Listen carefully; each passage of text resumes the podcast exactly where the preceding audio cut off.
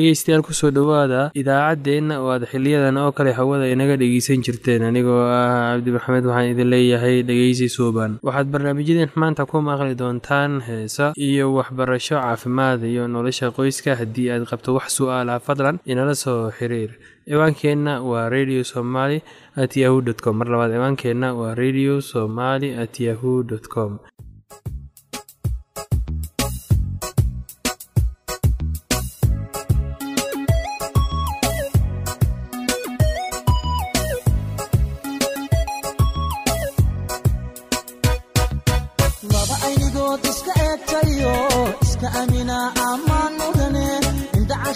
isku ooyayo is-ilaashada ammaan mudane axdigay dhigteen u adkaystayo aroos gala ammaan mudane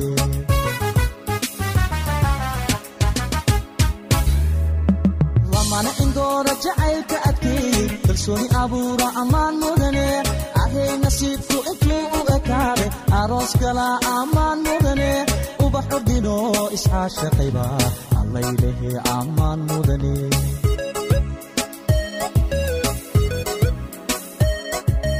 laba aynigood iska eegtayo iska amina ammaan mudane indhacashaqo isku ooyayo is-ilaashada ammaan mudane axdigay dhigteen u adkaystayo aroos gala ammaan mudane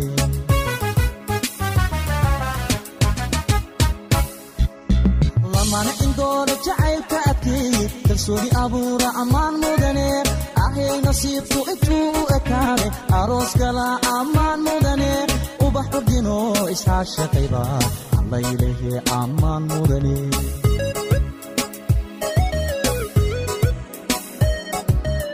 gayan isdoortaa ehelku taama arooskooda aqal la seesa dhiga aslan iyo kabad la unka ubax udgoonana lagu daadiya allaylehe ammaan waad istaahishaa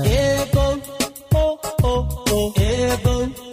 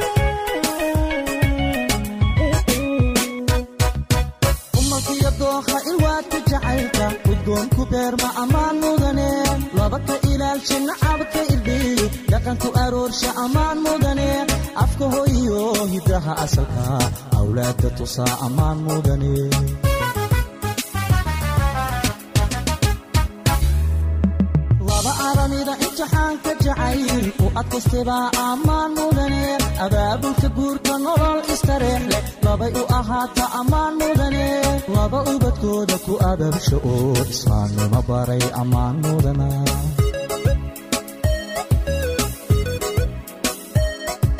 umalkiyo dookha ilwaadka jacaylka udgoonku beerma ammaan mudane laba ka ilaalsha nacabka irdhiy dhaqanku aroorsha ammaan mudane afka hoyiyo hidaha asalka awlaadda tusaa ammaan mudane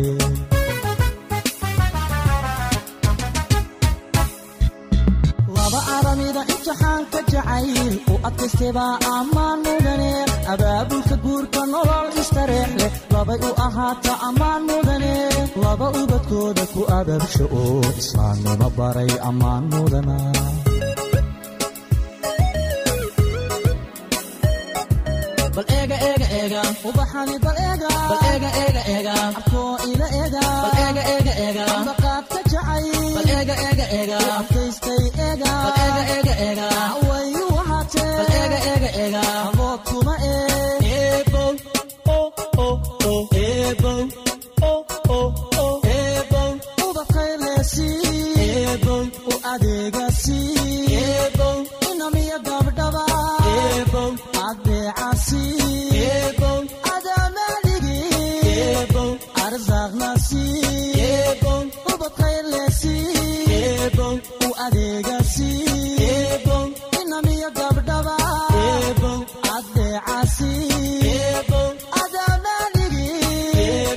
eebow arsaaqnasi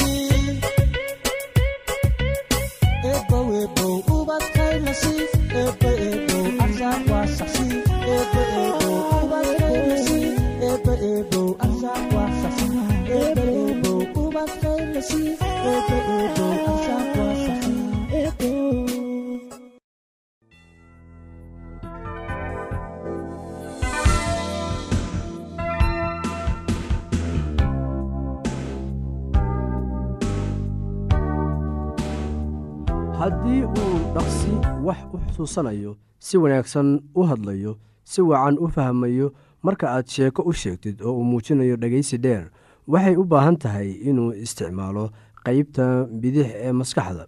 Laakiin haddii uu muujiyo awoodda ku saabsan xagga orodada ee uu dabeecad hal abuur leeyahay oo uu lumiyo xiisadihii uu u qabay waxyaalaha kale oo uusan wakhtiga ilaalinaynin waxaa markaasi dhici karta in cunugaagu isticmaalayo dhanka midig ee maskaxda ama waxa luuqadda ingiriiska lagu yidhaahdo right brain sided.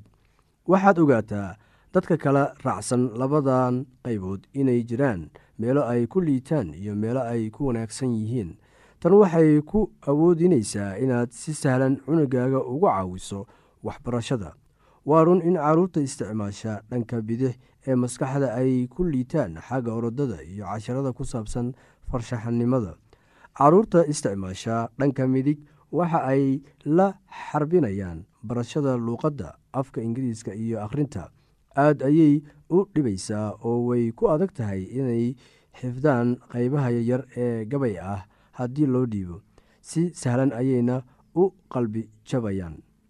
Waxaad isticmaali kartaa buundada loogu yeero luuqadda si aad carruurta ugu caawiso inay isticmaalaan kulli labada qaybood ee maskaxda dhanka midig iyo dhanka bidixba la soco waxay ku dhagaysanayaan iyaga oo isticmaalaya dhanka bidix ee maskaxda. Waxaanay arkayaan inaad hadlaysid adigoo isticmaalaya qeybta midig ee maskaxda. Sheekooyinka loo sheega carruurta ayaa waxay yihiin kuwo isku xira dhanka midig iyo dhanka bidix ee maskaxda. Waxa uu akhri carruurta la hadal iyaga wakhti si loo la sheekeysto iyaga. Si wakhti aad kula sheekaysatid iyaga xirfadda qoritaanka ayaa iyana ah buundo isku xiraysa labada qaybood qeybta bidix iyo qeybta midig. Qeybta midig wax bay aragtaa qeybta midigna waxay keydisaa wararka. U iibi joornaalo buwaagta taswiirta ee ka hadlaya mowduucyada ay jecel yihiin. Haddeer laga yaabaa inaad fahamtay sababta carruurta loogu diido inay daawadaan telefishinka maxaa wacay carruurta inta badan waxa ay wakhti siinayaan daawasho beddelkii dhegeysiga. Haddii aad yaraysataan daawashada telefishinka haddii aad yaraysaan daawashada telefishinka waxaad helaysaan wakhti aad ku wada hadashaan oo aad waxyaalo badan isla wada samaysaan.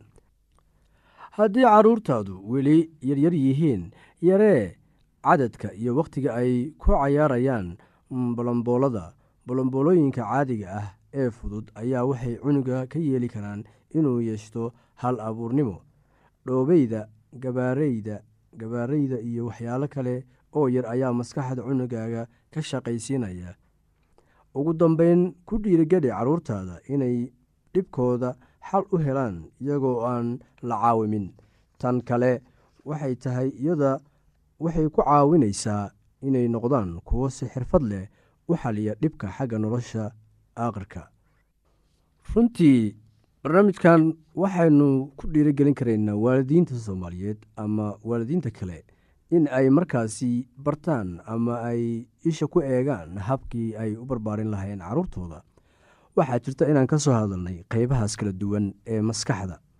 Ama ha haato midda bidix ama ha haato midda midig.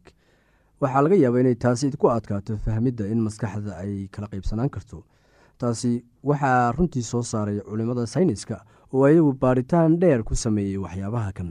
Marka waxaad eegeysaan siba waalidiinteen oo waxbartay inaad markaasi aad arrintan siisaan tixraacid dheeraada ah waxaad mar walba aad samaysaan in carruurtu marka ay dhashaan oo ay bilaabaan inay hadlaan inaad markaasi bartaan habka loo hadlo. Marka ilmuhu bartaan habka loo hadlo waxay markaasi isku dayeen waxyaabo badan ay markaasi indhaha aada uga eegaan ama ha noqoto sida ay markaasi u dhageystaan waalidkooda sida ay u kala saaraan hadalka ama hadallada xunxun ama kuwa wanaagsan intaba. Runtii waxaa wanaagsan xataa in markaasi markay carruurtu ka soo laabtaan iskuullada ama dugsiyada in waalidiintu habeenkii ay eegaan fiidkii intaysan seexan waxyaabihii ay soo barteen ayagoo markaa dib u baaraya buwaagtooda. Taasina waxay ku caawinaysaa in carruurtu ay markaasi bartaan waxyaabo fara badan oo markaasi aysan ka helin iskuulka. Waayo waalidiintu waa caawiyaasha ku caawiyi karaa carruurtoodu inay markaasi ay bartaan waxyaabahaas iyadoo weliba si dheeraada u baranaya. Waxaa jirta in marka carruurtu aada u yar yihiin ay aada iyo aad ugu habboon tahay in loo soo gado buwaag ay ku sawiran yihiin kuraas ama shimbiro ama buugaag ama waxyaabo kaloo fara badan oo indhahooda ay ku eegi karaan isla markaasna ay wax kaga baran karaan. Iyagoo markaasi la barayo magacyada iyo waxyaabaha midabada meesha ku yaalla.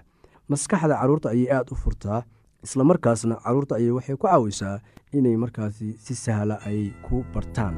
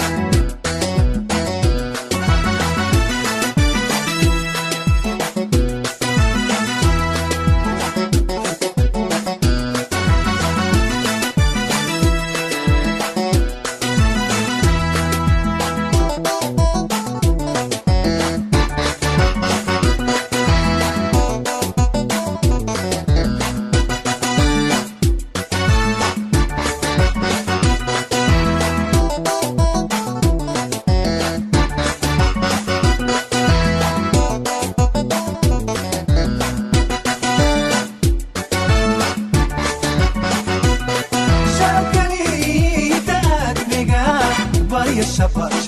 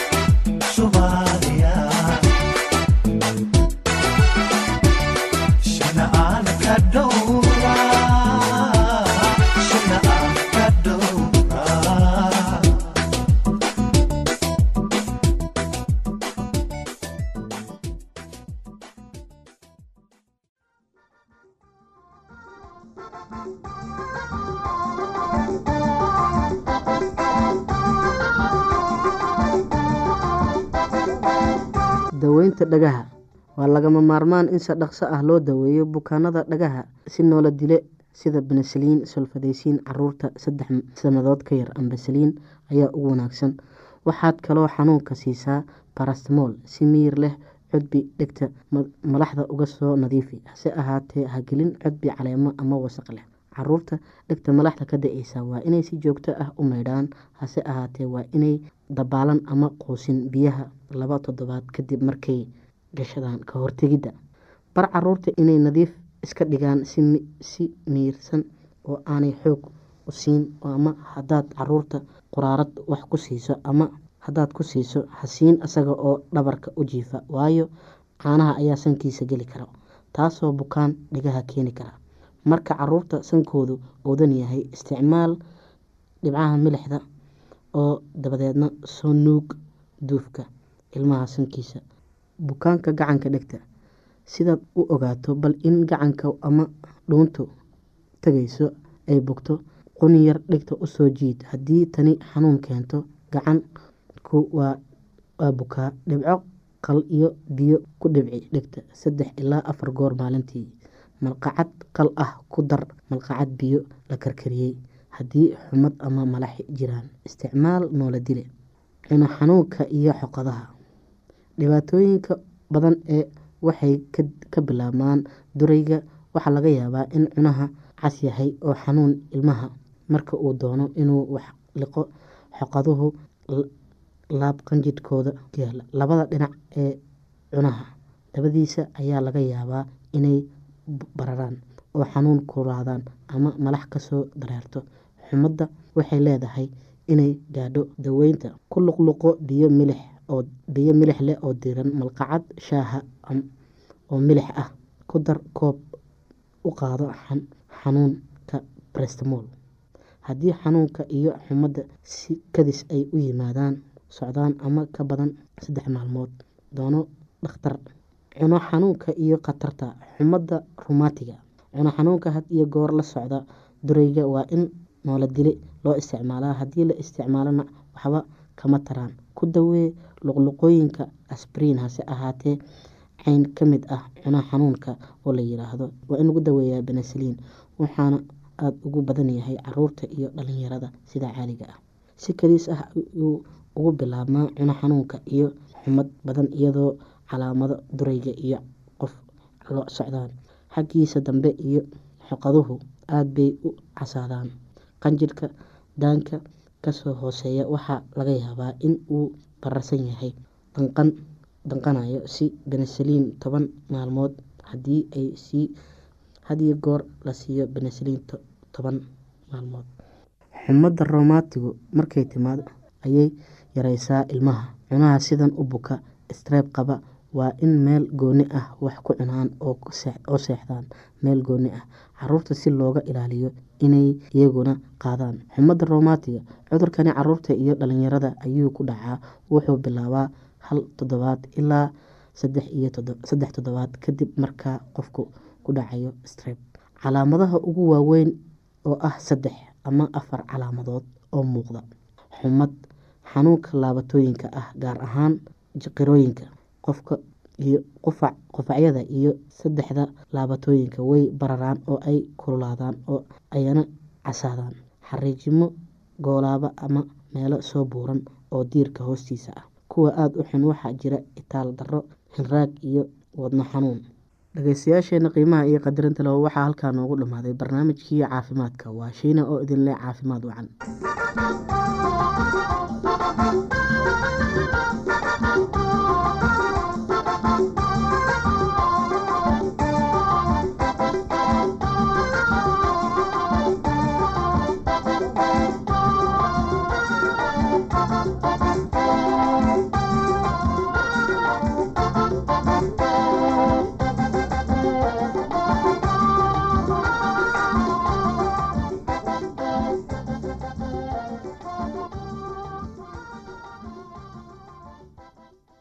haddii aad qabto wax su'aalaha fadlan inala soo xiriir. ciwaankeenna waa radio somaly at yahu t com. Mar labaad ciwaankeenna waa radio somaly at yahu dt com. Barnaamijyadeena maanta waa naga intaas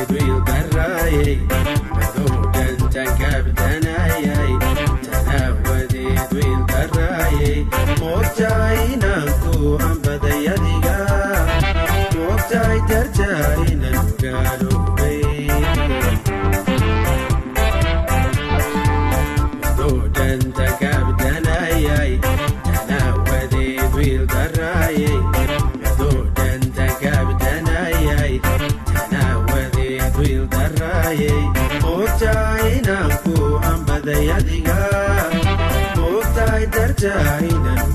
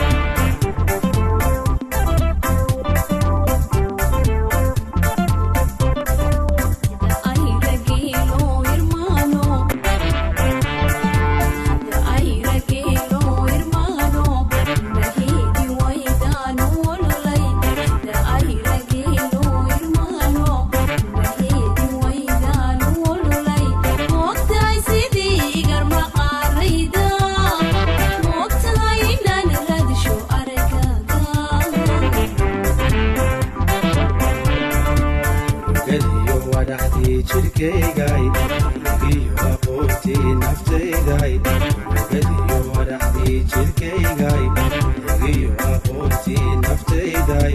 Moogtahay markuu urku ku xasuusto. Moogtahay inay